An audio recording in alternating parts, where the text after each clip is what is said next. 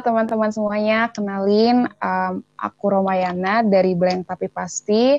Um, di sini aku bakal ngobrol-ngobrol sama Alan mengenai quarter life crisis. Tapi sebelum kita ngobrol lebih jauh nih mengenai quarter life crisis, mungkin ada baiknya nih dari Alan sendiri uh, perkenalan diri dulu gitu biar teman-teman di luar sana yang ngedengerin podcast kita jadi tahu Alan tuh siapa terus dari mana mungkin kayak gitu boleh dari Alan sendiri perkenalkan diri oke okay, thank you um, perkenalkan semuanya nama aku Alan aku founder dari sebuah komunitas remaja peduli kesehatan mental namanya Talk More Indonesia nah Um, aku sekarang masih SMA, masih umur 18 tahun.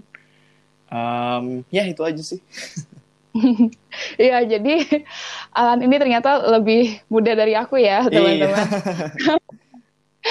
Oke, okay, tapi nggak apa-apa. Um, jadi di sini mungkin aku mau uh, apa ya? Kita ngobrolin dulu nih tentang mm-hmm. Talker Indonesia mungkin ya komunitas yang dibuat sama Alan sendiri nih. Mungkin dimulai dari ini sih. Uh, kenapa sih uh, Alan sendiri gitu nggak buat komunitas ini apa alasannya gitu? Oke alasannya sih apa ya um, panjang banget sih kalau mau diceritain. Jadi um, aku singkatin aja coba ya tunggu. Um, Jadi di awalnya itu pokoknya itu jauh sebelum masih SD ya kalau nggak salah aku udah tertarik gitu sama dunia psikologi dan kesehatan mm. mental karena aku baca-baca buku segala macam yang tentang psikologi tentang segala macam Lalu aku waktu masuk SMP tiba-tiba hmm. terekspos dengan banyak curhatan gitu. Tiba-tiba banyak orang yang curhat, tiba-tiba hmm. banyak orang yang cerita masalahnya. Padahal aku nggak nanya, tapi mereka cerita gitu kan. Terus hmm. dan di situ aku sadar gitu, wah ternyata tiap orang itu ada masalah, tiap orang itu ada cerita gitu, tiap orang ada kesulitan di balik senyuman yang manis dan ceria itu yang ada di yang dibawanya setiap pergi ke sekolah gitu kan. Terus pas SMA aku dapat motivasi buat mendirikan sebuah komunitas kesehatan mental. Karena ya mungkin apa ya sebagai wujud perwujudan um, nyata kepedulian aku gitu terhadap kesehatan mental. Dan aku emang suka mendalami ilmu psikologi. Terus aku juga sadar bahwa di zaman ini kita perlu peduli lebih peduli gitu kan terhadap masalah kesehatan mental. Terlebih khusus itu di remaja gitu. Terus aku bareng temen aku, salah satu temen aku kita sama-sama mendirikan komunitas Talkmore Indonesia. Wah gila keren banget. Um, aku boleh tahu nggak kira-kira mm -hmm. kegiatan apa aja sih yang ada di Talkmore Indonesia ini? Kalau dari talk kalau di Talkmore Indonesia sendiri sih kita bersifat komunitas ya. Jadi kita bersifat maksudnya ada anggota komunitas yang di dalamnya kita hmm. Saling sharing, saling quest.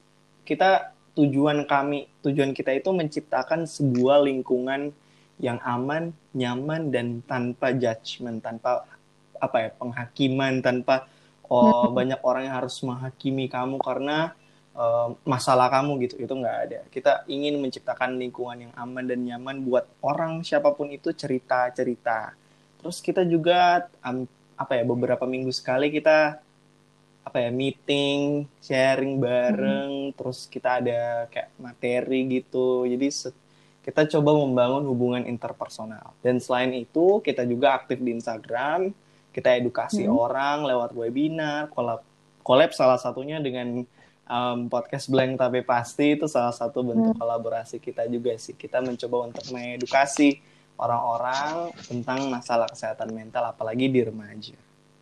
Itu sih kak. Wah keren banget.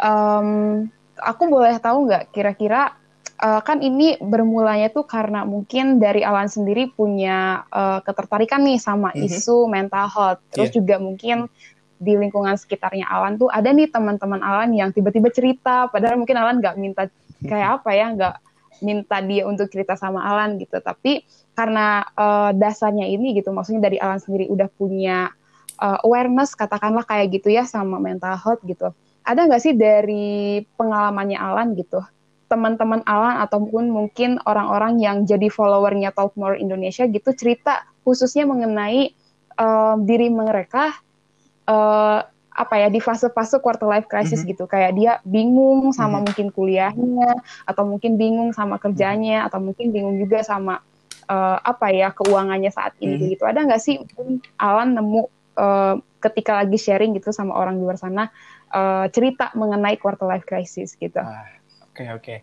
um, tadi yang aku bilang kan waktu SMP tiba-tiba banyak orang yang curhat gitu kan. Nah itu setelah hmm. itu aku mendirikan sebuah bisa dibilang jasa konsultasi tapi nggak bayar gitu kan. Tapi abal-abal jangan ditanya. Itu masih zaman line official ya masih zaman line official di mana ya kita bebas gitu. Apa uh, fitur-fiturnya masih lengkap dan kita aku bisa chattingan sama orang-orang tanpa dikenal gitu. Dari ban hmm. itu udah bisa dibilang aku sudah lupa angka tepatnya tapi bisa dibilang ratusan orang udah chat baik itu lewat line atau itu dan dari semua itu rata-rata mereka lebih tua dari aku. Waktu itu aku masih mm -hmm. umur 14 tahun mereka udah 18 ya umur sekarang umur aku sekarang gitu kan. Rata-rata mereka juga curhat yang sama. Kuliah kebingungan kerja karir. Orang tiap orang nanya kamu kapan nikah ah itu salah satu ciri-ciri quarter life crisis gitu nah mm -hmm. sebenarnya sih namanya quarter life crisis ya artinya seperempat yang harusnya terjadi ya 24 20-an tahun. Tapi di zaman hmm. ini tuh yang aku lihat itu lebih banyak le, udah lebih terjadinya lebih awal lagi. Di umur 18, 19, 20 karena gimana ya? Iya, iya. Kan apa ya? Zaman makin berkembang, umur juga kayak batas apa ya? kayak orang-orang udah mulai kerja di umur 19 tahun, 20 tahun, udah udah udah pada sukses, udah pada magang semua di perusahaan-perusahaan terkenal gitu dan muncul di situ quarter life crisis gitu. Karena mm-hmm. dari pengalaman-pengalaman orang-orang yang di apa ya, mereka curhat ke aku juga, mereka juga bilang mm-hmm. hal yang sama gitu. Aku insecure gitu. Orang-orang yang lebih muda bahkan udah pada kerja, aku masih um, pengangguran atau aku masih diem-diem, aku masih kuliah hmm. semester berapa gitu kan. Dan mereka uh, mengalami quarter life crisis itu bahkan lebih awal di 19 tahun, 20 tahun, padahal baru masuk kuliah gitu kan. Pada ya, mungkin ya, 10 tahun lalu beda gitu ceritanya, tapi sekarang aku sudah melihat semakin banyak sih tentang quarter life crisis. Wah, jadi banyak banget ya ternyata cerita-cerita mm -hmm. um, yang terjadi sama Alan sendiri gitu mengenai quarter life crisis dan aku juga sebenarnya setuju ya sama Alan. Bener ya, kayak maksudnya kan quarter tuh satu per mhm. empat maksudnya kehidupan kita dan sebenarnya apa ya mengenai kehidupan kita nggak tahu kan umur pastinya manusia yeah. itu kapan dan bisa terjadi juga di awal-awal uh, mungkin uh, usia remaja awal sampai remaja akhir mungkin ya quarter life crisis yeah, ini yeah, terjadi. 18 nah, bisa dibilang. Hmm, betul. Terus um, aku boleh tahu nggak sih mengenai komunitasnya Alan sendiri ini nih udah tuh dari kapan sih? Terus um, apa aja gitu? Maksudnya mungkin dari Alan sendiri punya harapan apa sama komunitas Alan yang sekarang gitu? Um, jadi komunitas aku kita berdirinya tepat hari kebangkitan nasional itu kebetulan sih hmm. tanggal 20 hmm. Mei tahun 2020 kita berdirinya hmm. begitu berarti udah berapa bulan tuh? Satu Juni Juli Agustus September Oktober Mei um, tujuh. Eh. tujuh lah tujuh ya. Iya, tujuh bulan tujuh bulan. kalau misalnya apa sih pertanyaan terakhir tadi dibilang? Um, ada nggak sih maksudnya harapan oh, Alan hmm. untuk komunitasnya sekarang gitu? Kita jalannya masih panjang ya kayak dalam hmm. tujuh bulan ini kita achieve lumayan cukup uh, banyak um, misalnya kita kita udah impact ke lima daerah di Indonesia di Manado, hmm. Ambon, hmm. Kupang, Mataram, sama tunggu, Kupang, Mataram sama Sorong. Kita udah hmm. impact kurang lebih 300 orang juga dalam tujuh hmm. dalam waktu malah lebih sih kalau misalnya dihitung eksternal Tokmor ya.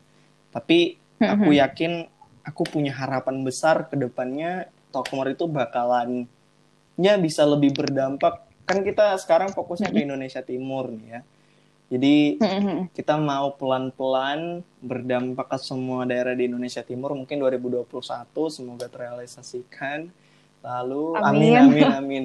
Lalu perlahan-lahan kita ya perlahan tapi pasti kita coba expand ke daerah-daerah lain supaya kita bisa buka komunitas-komunitas di daerah tersebut. lalu yang lain mungkin ya aku intinya pengen Tokmur itu bisa menciptakan lingkungan yang aman nyaman dan hmm. bisa mengedukasi gitu buat semua orang baik remaja jadi gini menurut aku sih salah satu persepsi yang mungkin kurang tepat adalah kita harus mengedukasi remaja tapi kan menurut aku kita harus mengedukasi semua orang gitu baik orang hmm. tuanya um, guru-gurunya. Pokoknya semua lapisan hmm. umur itu harus diedukasi tentang kesehatan mental. Karena untuk remaja ya kebanyakan udah tahu dan udah peduli gitu. Dan kita ingin juga mengimpact ke orang tua ke sekolah-sekolah supaya mereka bisa lebih sadar bahwa oh ternyata kesehatan mental siswa siswa itu penting. Ternyata kesehatan mental anakku penting. Itu sih yang kami ingin capai itu ke depannya kak. Oke, amin ya semoga, amin, amin, semoga. Um, bisa terwujud gitu ya harapan-harapan itu. Nah, um, Alan kan udah bisa dibilang boleh tahu nggak sekarang Alan kelas berapa di SMA-nya? kelas 12, 12. Oh, berarti kelas 3 SMA iya, ya udah uh, akhir ya? Iya, udah udah mau habis, udah mau selesai semuanya. um, ada nggak sih kayak dari Alan sendiri mm-hmm. gitu? Mungkin karena kan kita ngebahas tentang quarter life crisis nih. Mm-hmm. mungkin kebingungan untuk ngelanjut yeah. ke jenjang uh, pendidikan yang lebih tinggi lagi gitu. Mungkin Alan bisa sharing nggak ke kita gitu? Apa sih yang sebenarnya Alan sedang alami gitu? Kebingungan-kebingungan apa yang sedang Alan alami? Dan gimana caranya Alan bisa menghadapi kebingungan-kebingungan itu jadi aku mungkin akan jelasin dikit yang aku tahu ya tentang quarter life crisis ya kak. Mm-hmm. Jadi jadi akan aku bilang kan quarter life crisis artinya seperempat tapi mulainya di umur 18 dan aku sudah 18 dan aku merasakan sendiri aku sudah mulai merasakan mm-hmm. di mana quarter life crisis itu sebuah fase sebuah fase dari kan kalau remaja dari anak fase remaja itu peralihan dari anak ke dewasa. Nah, sekarang fase ya, betul. quarter life crisis itu fase dari remaja ke dewasa. Itu quarter life crisis. Mm -hmm. Kita bak itu hampir semua orang bahkan 98% mungkin di dunia ini mengalami quarter life crisis gitu. Dan itu bukan sesuatu yang nggak normal gitu. Normal. Itu semua yeah. terjadi. Yeah. Um, itu bakalan mendapat apa ya? Um, pokoknya semua bakalan terkadang ada yang bisa jadi depresi, ada yang bisa jadi um, anxiety, pokoknya banyak masalah mental yang muncul dan di situ yang paling krusial gitu. Bis, mm-hmm. aku sendiri um, sekarang bingung banget sih kalau misalnya ditanya mau kuliah di mana, mau ker mau kuliah mm. di mana, um, masih aku selalu bilang masih rencana, masih rencana, masih rencana.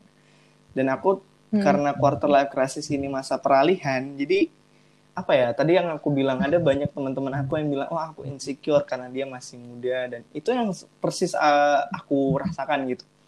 Aku merasakan insecure. Mungkin teman-teman lain yang mendengarkan nanti juga bakalan merasa apa ya um, pernah merasa kalau mereka insecure terhadap teman-temannya yang masih umur 17 ada yang udah umur 14 sudah mendirikan organisasi sendiri gitu kan. Itu kan sebuah hmm. pencapaian hmm. yang luar biasa dan apa ya aku saja umur 18 tahun itu insecure terhadap adik-adik kelas aku yang masih muda dan udah sadar dan aware tentang masalah-masalah sosial masalah-masalah sosial di di masyarakat kita gitu kan. Terus hmm. kalau misalnya quarter life crisis itu ben aku se, apa apa ya apa aku se, aku deskripsikan sebagai benturan antara cita-cita dan kenyataan benturan hmm. antara cita-cita dan kenyataan. Di umur 16, 15, aku cita-citanya tinggi banget. Oh, mau jadi oh ya nggak usah. Kita mundur lagi di SD. Aku mau cita-citanya jadi guru atau jadi astronot atau jadi apa gitu.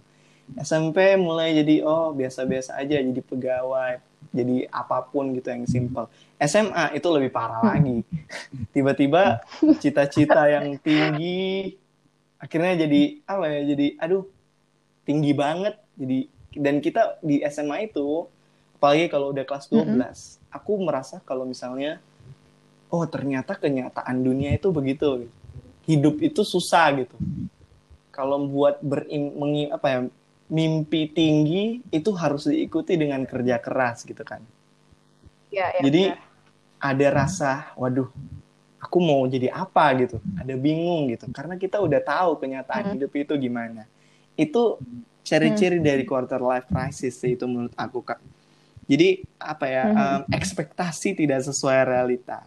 Ekspektasi tidak sesuai kenyataan. Dan itu yang aku alami sih. Jadi apa ya sebuah mungkin yang lebih tua dari aku juga mengalami gitu kan uh, benturan antara cita-cita dan kenyataan. Pengennya jadi yeah. gitu pengennya jadi gini malah jadi gitu. Pengennya jadi gitu malah jadi gini. Jadi apa ya agak bingung juga sih kalau aku um, di fase ini. Apalagi ya nanti 19 tahun 20 tahun itu nggak tahu lagi mau gimana. Tapi ya yeah. apa ya um, menurut aku sih quarter life crisis itu masa di mana kita coba mengarahkan hidup ke arah yang benar dan tepat gitu. Mulai tanya tentang masa depan coba memperbaiki itu sih fase yang kita bisa ambil positifnya sih. Tapi yang aku alami itu sih kak. Bingung biasa okay. intinya. Bener bener bener uh, aku setuju sama Alan mengenai quarter life crisis yang udah tadi apa ya hmm. kamu jelasin mungkin dari pengalaman pribadi kamu gitu. Emang biasanya uh, ini juga aku sharing hmm. pengalaman ya. Jadi waktu entah mungkin ya aku nggak tahu juga sih kalau misalnya kita mau apa ya punya mimpi yang lebih tinggi lagi tuh biasanya suka bingung gitu nih kayak aku aku kan sekarang kebetulan udah semester akhir ya uh, lulus gitu udah mau lulus terus bingung juga aduh kalau aku lulus aku kerjanya apa ya? Maksudnya walaupun udah di apa ya udah ada maksudnya kan jurusan tuh udah fokus yeah. gitu ya udah konsen kamu mau teman tapi tetap aja gitu bingung gitu ujungnya. Tapi lulus gimana ya? Kayak apakah aku bakal jadi pengangguran atau nanti aku kerja? Kan itu juga jadi hal yang membuat apa ya buat buat diri aku jadi katakanlah jadi krisis emosi juga mm -hmm. gitu. Jadi uh, ngerasa kayak tertekan juga dan bingung juga gitu. Cuma benar tadi yang kata kamu bilang uh, kalau misalnya di fase-fase ini mungkin ada hal-hal positifnya yang yeah. bisa diambil gitu. Jadi memang teman-teman kalau teman-teman ngerasa bingung gitu ya, entah itu mengenai pendidikan, mengenai karir gitu, nggak apa-apa itu wajar gitu. Tapi ya jangan berlarut-larut yeah, juga ya teman-teman, karena kalau berlarut gitu, kamu nggak akan tahu um, gimana diri kamu tuh bisa ngelewatin masa itu gitu. Karena memang quarter life crisis ini mau nggak mau ya harus di apa ya dijalanin yeah. dihadapin gitu. Gitu. Oke nih ngebahas tentang karir nih. Karena kan um, Alan nih mau masuk ke mm-hmm. ini katakanlah mau kuliah gitu ya. Mau kuliah. Tadi kan aku sempat dengar Alan mau kuliah ya nggak langsung kerja karena kan kalau ngomongin tentang dunia kuliah itu pasti ujung-ujungnya kerja yeah, juga yeah. kan. Maksudnya ya ya kita pengen membangun karir yang istilahnya katakanlah bisa menghidupi kita yeah, di masa betul. depan gitu. Nah um, kenapa sih Alan bingung gitu? Karena dari awal kan aku dengar cerita Alan Alan udah tertarik nih sama sama katakanlah dunia psikologi gitu. Udah tertarik sama mungkin isu-isu sosial yang um, ada di masyarakat khususnya mungkin mengenai mental health gitu apa yang ngebikin Alan bingung gitu. Padahal di depan sorry banget di depan mata Alan tuh udah ada nih jalan gitu. Untuk mungkin kamu bisa uh, lebih concern lagi ke situ gitu ke jalan situ. Kenapa ada kebingungan kebingungan mungkin Alan bisa share. yeah, yeah. Uh, kebingungannya pertama karena takut aja gitu. Takut salah. Takut salah pilih gitu. Kan apa ya Mm-hmm. Apa pun aku percaya apa pun yang kita lakukan sekarang itu bakalan berdampak ke masa depan. Mm. Jadi iya, kalau benar. misalnya salah sekarang, waduh, pah fatal nanti akibatnya gitu. Apalagi kalau salah pilih jurusan itu satu. Mm-hmm. Terus yang kedua, kedua apa ya harus apa ya semuanya nggak pasti. Selama pandemi juga aku belajar bahwa tidak ada yang pasti di dunia ini semua ya, ada betul. apa ya ada ketidakpastian di banyak hal. Oh ada ketidakpastian di sekolah ketidakpastian di uh, keluarga ketidakpastian di pendidikan itu pasti ada gitu. Jadi kalau misalnya ya tadi kan kak ya ya emang aku sukanya masuk psikologi gitu kan. Tapi itu baru rencana gitu. Kan nggak tahu misalnya hmm. nanti pas udah mau masuk kuliah eh tiba-tiba ada misalnya ada suatu kejadian yang membuat aku harus pindah jurusan atau harus harus pilih jurusan yang lain atau bisa aja nanti kalau seleksi kuliah aku nggak lolos. Itu kan apa ya jadi harus pindah lagi um, jurusan harus cari alternatif. Jadi ada rasa bingung gitu di antara mau psikologi atau mau pilih yang lain. Aku juga aku bikin sih prioritas ya gitu kayak psikologi ada hubungan internasional ada pokoknya yang jurusan-jurusan lain ke bawahnya gitu supaya aku ada alternatifnya gitu. Tapi tetap aja bingung gitu. Karena semakin banyak pilihan akhirnya semakin bingung juga. Jadi iya, semakin banyak pilihan gitu kan. Misalnya nggak tahu sih kalau misalnya aku sih coba suka banget hal-hal baru gitu. Aku suka coba hal-hal baru. Mm. semakin banyak hal baru aku lebih suka tapi semakin banyak hal baru aku juga makin bingung. Itu sih. Jadi bertabrakan gitu antara eh bukan bertabrakan jadi bingung juga kalau misalnya oh mau pilih yang mana ya? Aku sukanya ini tapi aku bisa juga ini. Aku bisa juga itu tapi aku sukanya itu. Jadi mhm. agak mm-hmm. oh iya aduh gimana ya? Susah sih dijelasinnya pokoknya gitu. Um, apa ya di terombang ambing gitu terombang ambing iya, iya. mau pilih mana? Atau apa ya udah mulai meragukan diri sendiri gitu. Udah mulai meragukan hmm. diri sendiri akhirnya juga terkadang jadi panik tergesa-gesa gitu. Ada banyak faktor ada banyak akibat-akibat sih. Tapi intinya itu insecure terus terlalu banyak pilihan terus suka coba hal-hal baru dan ketidakpastian. Hmm. Itu sih. Iya benar-benar. Aku setuju ya sama statement kamu yang semakin banyak pilihan ngebuat kita iya semakin kan? bingung itu. itu benar banget ya. Aku itu apa ya? Aku aku ngerasain banget gitu di masa-masa ketika aku ada hmm. banyak pilihan. Jadi di sini tuh konteksnya mungkin lebih ke yeah. karena aku udah semester akhir gitu. Aku ngerasa kayak ih kalau aku berkarir di sini kayaknya aku bisa deh tapi di situ juga kayaknya bisa di situ juga bisa jadi bingung gitu mau pilih yang mana dan itu bener-bener ngefek juga ya teman-teman nge apa ya ngefeknya tuh karena bingung itu bikin um, diri kita tuh jadi nggak tahu gitu mau ke arah yang mana. Nah terus tadi juga Alan sempat ngomongin tentang insecure nih. Alan tuh insecure apa sih? Boleh sharing kita? insecure-nya karena apa gitu. Biasanya Alan insecure mengenai mm-hmm. kehidupan gitu ya. Apa biasanya bikin Alan jadi uh. overthinking mungkin gitu.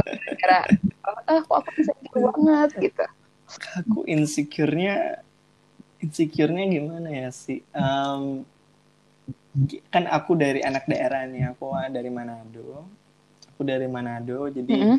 um, dan kebanyakan teman-teman aku juga ya di Jawa di Jakarta Bandung Surabaya segala macam kan.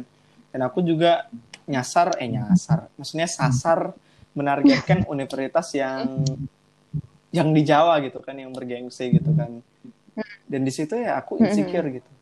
Kan semakin apa ya intinya aku selalu bilang ke diri aku semakin banyak teman semakin bagus tapi seperti yang aku tadi bilang, semakin yeah. banyak pilihan semakin bingung, begitu hmm. juga semakin banyak teman, aku semakin insecure. semakin banyak teman, aku hmm, semakin hmm, hmm. insecure. Karena apa ya tergantung juga sih teman circle-nya gimana. Tapi kebanyakan teman-teman iya. aku, yeah. waduh, langit di atas langit ada langit lagi. Jadi kayak banyak langit di atas langit gitu, banyak langit di atas. Jadi teman-teman aku ya rata-rata ya emang udah berprestasi, udah keren, kece, ada yang selebgram juga. Jadi kayak, mm. waduh, siapa? Aku siapa? Aku aku mah apa ya? Aku mah bukan siapa-siapa gitu. Walaupun aku apa ya um, mencapai cukup banyak hal, tapi masih banyak hal yang orang lain capai gitu. Ada rasa insecure yang dalam artian apa ya? Hmm. Mungkin aku kurang bersyukur juga, tapi terkadang juga aku mencoba memikirkan atau merasa atau berefleksi kalau oh apa ya um, tiap nah itu salah satunya sih. Um, aku belajar bahwa tiap hidup orang itu tiap jalan hidup orang itu berbeda. Dan kita harus fokus ke mm -hmm. jalan hidup kita sendiri gitu kan. Itu salah satu kata-kata yang aku selalu ingat ketika aku insecure gitu lihat teman-teman yang lain hmm. kuliahnya. Akan teman-teman aku juga kebanyakan udah kuliah. Lihat kuliahnya di Universitas Indonesia, Universitas Pajajaran, Universitas Gajah Mada, semua universitas yang bergengsi gitu jadi wah aku bisa nggak masuk situ? Jadi agak ada rasa insecure gitu karena aku jadi anak dari dari anak daerah dari Manado dari Indonesia Timur.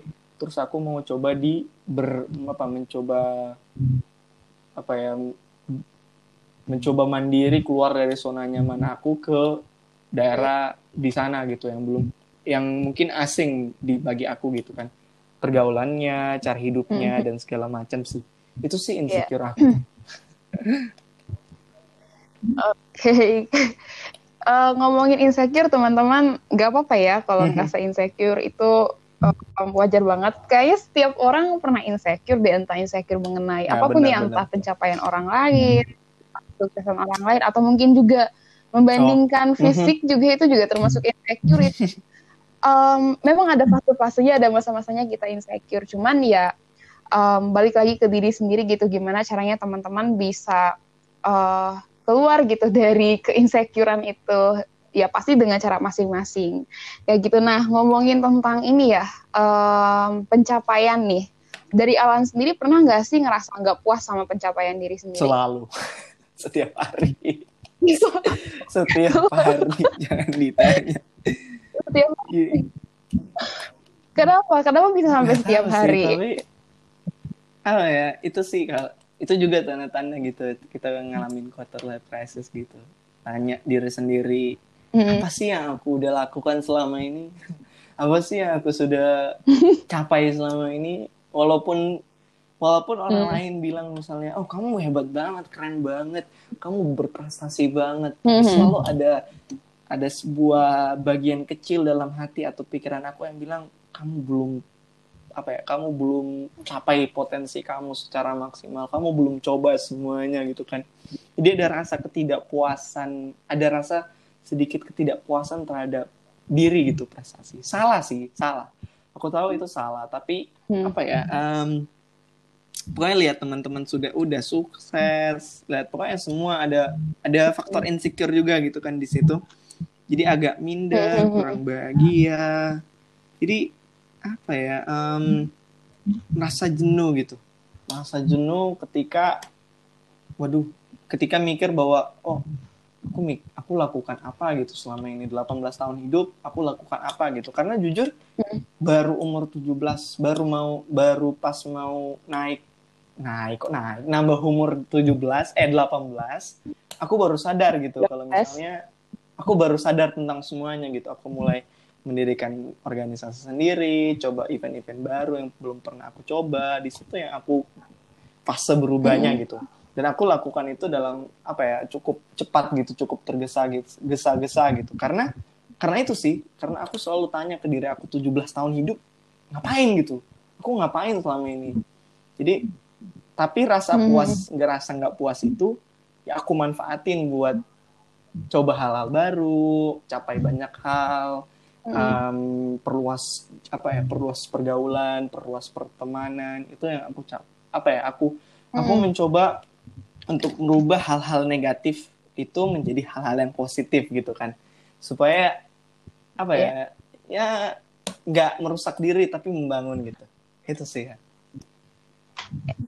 Iya. Aduh, kalau sebenarnya aku gak mau bandingin diri ya dari ceritanya kamu, cuman aku mau mhm. sharing aja gitu. Waktu aku umur 18 tahun. Kenapa tuh? Aduh, waktu aku umur 18 tahun uh, dari cerita kamu ya, um, aku tuh ngapain aja sih selama 18 tahun gitu, bla bla bla dan sebagainya. Aku udah achieve apa sih selama 18 tahun aku hidup. Waktu aku umur 18 tahun, um, waktu itu jadi maba gitu ya terus nggak tahu mau ngapain apa ya kayak um, ngerasa apa ya udahlah jalanin aja gitu toh masih banyak kayak maksudnya karena uh, aku juga punya lingkungan yang kebetulan circle aku tuh kayak udahlah jalanin aja hidup gak iya sih. Nggak terlalu mikirin apa aja yang udah aku lakuin. Tapi itu um, apa ya teman-teman iya, tiap betul. orang kan beda-beda gitu. 18 tahun dengan 18 yeah. tahunnya kamu pasti beda. Dan um, jangan pernah Hmm. bandingin sih karena tadi ya yang tadi aku ngutip sedikit statement kamu tentang tiap jalan hidup itu tiap jalan hidup orang itu Hmm. pasti beda gitu. Jalan hidupnya aku dan jalan hidupnya Alan dan mungkin juga teman-teman pasti beda dan um, apa ya uh, kita nggak bisa nggak bisa ngebandingin gitu loh nggak bisa menentukan standar oh Ya, suksesnya orang tuh kayak gini gini gini gitu. Itu nggak bisa gitu. Mungkin Alan ngerasa belum mungkin ya aku nggak tahu sih. Mungkin Alan ngerasa sekarang belum ngerasa sukses gitu karena masih banyak uh, hal-hal yang mungkin harus Iya. Alan gapai gitu begitu juga dengan aku gitu walaupun aku umurnya uh, sekarang aku aku udah 21 gitu aku ngerasa kayak kok aku 21 gini-gini mulu gitu tapi ya nggak bisa dibandingin gitu aku nggak bisa compare diri aku sama Beda Alan tiga karena kita tahun. dua pribadi. Bener. Terus em, tentang ini, tentang apa ya? Aku mau tanya dulu Alan ini, Mhm. Alan tuh IPA apa IPA sih? Eh, Iya, ada IPA, sastra IPA. apa di Aku IPA. SMA? Oh, di IPA. IPA ya, tapi tertarik sama eh, hal-hal sosial nih. Mohon maaf. Kenapa? Ya, Aku kenapa bisa? Kenapa bisa? Kan IPA tuh aku nggak tahu ya. Aku kebetulan SMA-nya IPS gitu. Em, kenapa? Biasanya IPA tuh identiknya sama kimia, IPA, matematika, eh biologi, sorry biologi gitu gitu. Tapi kenapa bisa tertarik sama mungkin tadi sempat eh, sebut juga psikologi, hubungan internasional juga, hubungan internasional tuh anak sosum gitu ya. Mohon maaf gitu. Kenapa bisa jauh ya. tertarik sama hal itu yang bisa dibilang kalau menurut jurusan tuh kayaknya nggak nyambung nyambung gitu nggak ada nyambung nyambung nih ipa ke anak sosum tuh gitu. kenapa bisa mikir ke arah situ Lan? Em, itu salah satu kesalahan terbesarku mungkin ya.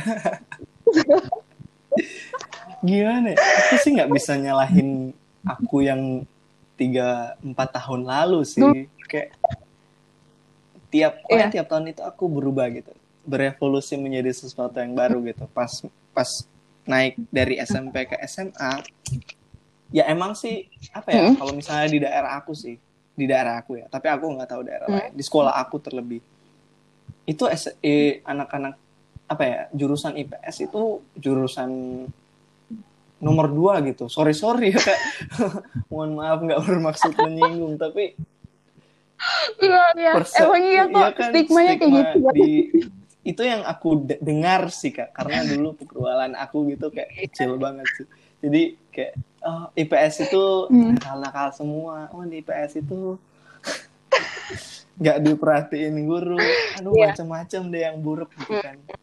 Jadi ya SMA terpaksa masuk IPA gitu karena kan katanya oh IPA lebih banyak gitu em, peluangnya gitu buat pilihannya gitu bisa masuk IPS bisa masuk IPA bisa masuk sastra Hmm. pokoknya semua bisa gitu kan jadi aku pikirannya ya lebih baik itu ya daripada IPS gitu tapi lama-lama merasa semakin Hmm. susah banget ya kimia, susah banget ya fisika, susah banget pokoknya semuanya kan. Mhm. Jadi kayak ada, waduh, itu nanti aku sadar kelas 11, udah mau naik kelas 12 juga, aku sadar, waduh, Hmm. salah pilih jurusan. salah pilih jurusan. Jadi dari situ aku sadar dan emang aku lebih condong ke arah sosial gitu kan. Ada ikut organisasi Mm-mm. itu kan maksudnya lebih ke kepemimpinan dan hal-hal yang berhubungan dengan apa ya ya sosial masyarakat orang-orang gitu kan jadi Mm. aku jadi jadi sadar gitu waduh aku nanti kuliah nggak boleh maksudnya usahakan nggak bisa jangan milih jurusan yang berbau IPA gitu psikologi sih ada kan IPA ada Mm. saintek ada saintek psikologi tapi em, iya tapi ada ya di Wah. kampus aku tuh wah di mana kampusnya aku aku aku Wah, kuliah di. Unpad Nah, nan- iya itu nanti ketemu di sana. kalau kalau jadi kalau iya kan jadi amin. jadi aku mencoba untuk membanting setir banting apa ya, ya pokoknya coba pindah jurusan gitu supaya nggak salah pilih lagi gitu kan kuliah. Kalau SMA mungkin masih bisa diakali. Tapi kuliah kalau misalnya salah gimana? Kan nggak ya nanti berdampak ke masa depan aku gitu. Apa ya menjalani sesuatu yang aku nggak sukai itu em, maksudnya Hmm. nggak apa-apa sih nggak apa-apa gitu. Karena kalau misalnya emang kondisinya begitu ya nggak apa-apa jalani aja. Tapi kalau misalnya sebaiknya aku emang sukanya di psikolog apa ya di pokoknya ilmu-ilmu sosial lah. Kalaupun Sosial, IPA iya. itu mendekati psikologi aja deh. Jangan yang lain-lain. Hmm, itu sih kak. Iya benar-benar. itu juga jadi tantangan ya buat teman-teman mungkin yang di luar sana yang lagi dengar eh, pengen maksudnya pengen mencapai sesuatu tapi jalannya tuh nggak salah juga sih sebenarnya bukan salah ya tapi mungkin agak sedikit Mhm. belok gitu ya yang seharusnya lurus gitu jadi agak belok. Nah em, ngobrolin tentang quarter life crisis nih Alan em, ada nggak sih mungkin apa ya cara dari diri kamu sendiri gitu untuk survive di fase quarter life crisis yang mungkin sekarang kamu lagi alamin kan masa-masa itu gitu. Gimana sih caranya kamu bisa survive gitu. Terus sempat juga kan tadi disinggung em, katanya kamu setiap hari gitu mengalami perasaan nggak puas sama pencapaian sendiri. Gimana caranya tuh kamu tetap em, survive dalam masa-masa quarter life crisis? Mungkin bisa sharing sama kita. koreksi ya bukan tiap hari tiap malam Oke, bukan tiap hari tiap malam ma- ya. malam-malam ya biasa apa ya melo gitu kan tapi eh, solusi. Kalau solusi ada berapa ya? Enam step. Enam step yang aku bisa ya. Wah, yang pertama itu Hmm, yang tadi sih aku bilang yang tiap orang itu ada jalan hidup sendiri gitu. Beda-beda kan. Kita harus Mm-mm. fokus ke Mm-mm. diri kita bukan ke diri orang lain. Ke jalan hidup kita bukan ke jalan hidup orang lain gitu jangan tadi yang seperti kak bilang standar kehidupan orang lain standar kebahagiaan orang lain itu jangan disamakan atau diterapkan ke kehidupan kita gitu kan. Berbeda. Kita nggak boleh sama Mhm. ratakan semuanya gitu. Jangan karena melakukan sesuatu jangan karena mereka melakukan sesuatu sesuatu maka kita harus juga ikutan gitu. Nggak harus gitu. Itu bukan sebuah keharusan gitu. Fokus dengan kehidupan kita sendiri gitu. Sto- em, berhenti membanding-bandingkan itu step pertama. Berhenti membanding-bandingkan hidup dan pencapaian kamu. Apalagi yang dapat apa yang Hmm. apalagi yang kalian lihat di sosial media. Itu satu. Itu nggak boleh. Jangan cari approval jangan cari pengakuan jangan cari pujian dari orang lain gitu. Puji dari diri sendiri cari pengakuan dari diri sendiri. Lakukan apa yang kamu suka gitu. Ya. itu satu. Yang kedua jangan melak apa ya jangan mengambil keputusan permanen atas dasar perasaan yang sementara saja gitu jangan gegabah intinya jangan Hmm. gegabah Oke. belajar untuk bereaksi terhadap suatu kejadian dengan tenang dan tepat gitu. Jangan kalau misalnya ada suatu apa ya, pokoknya jangan gegabah, jangan karena tadi yang aku bilang, jangan karena si A ikut ini kamu harus ikut itu. Jangan karena si A udah bikin ini kamu juga harus bikin itu gitu. Aku tahu kamu kalian ingin maju gitu. Aku juga ingin maju. Aku juga ingin berkembang gitu. Tapi em, lakukan apa yang kalian suka, yang kalian bisa, yang kalian sesuai kemampuan kalian gitu. Gak apa-apa coba, tapi jangan jadikan standar tadi standar kehidupan kebahagiaan kesuksesan orang lain itu jadi standar kehidupan kalian gitu. Lalu yang ketiga, Iya. Ekspektasi tidak sesuai dengan realita. Jadi olah ekspektasi dan realistis lah realistis em, apa ya saat ekspektasi tidak sesuai realita di situ kita terkadang merasa stres kecewa jadi atur ekspektasi jangan biarkan ekspektasi yang berasal Hmm. dari kehidupan orang lain itu dalam tanda kutip membunuh kita perlahan gitu saat ekspektasi itu nggak tercapai. Mhm. cari sesuatu yang realistis em, ya kita semua punya batas sebagai manusia gitu itu.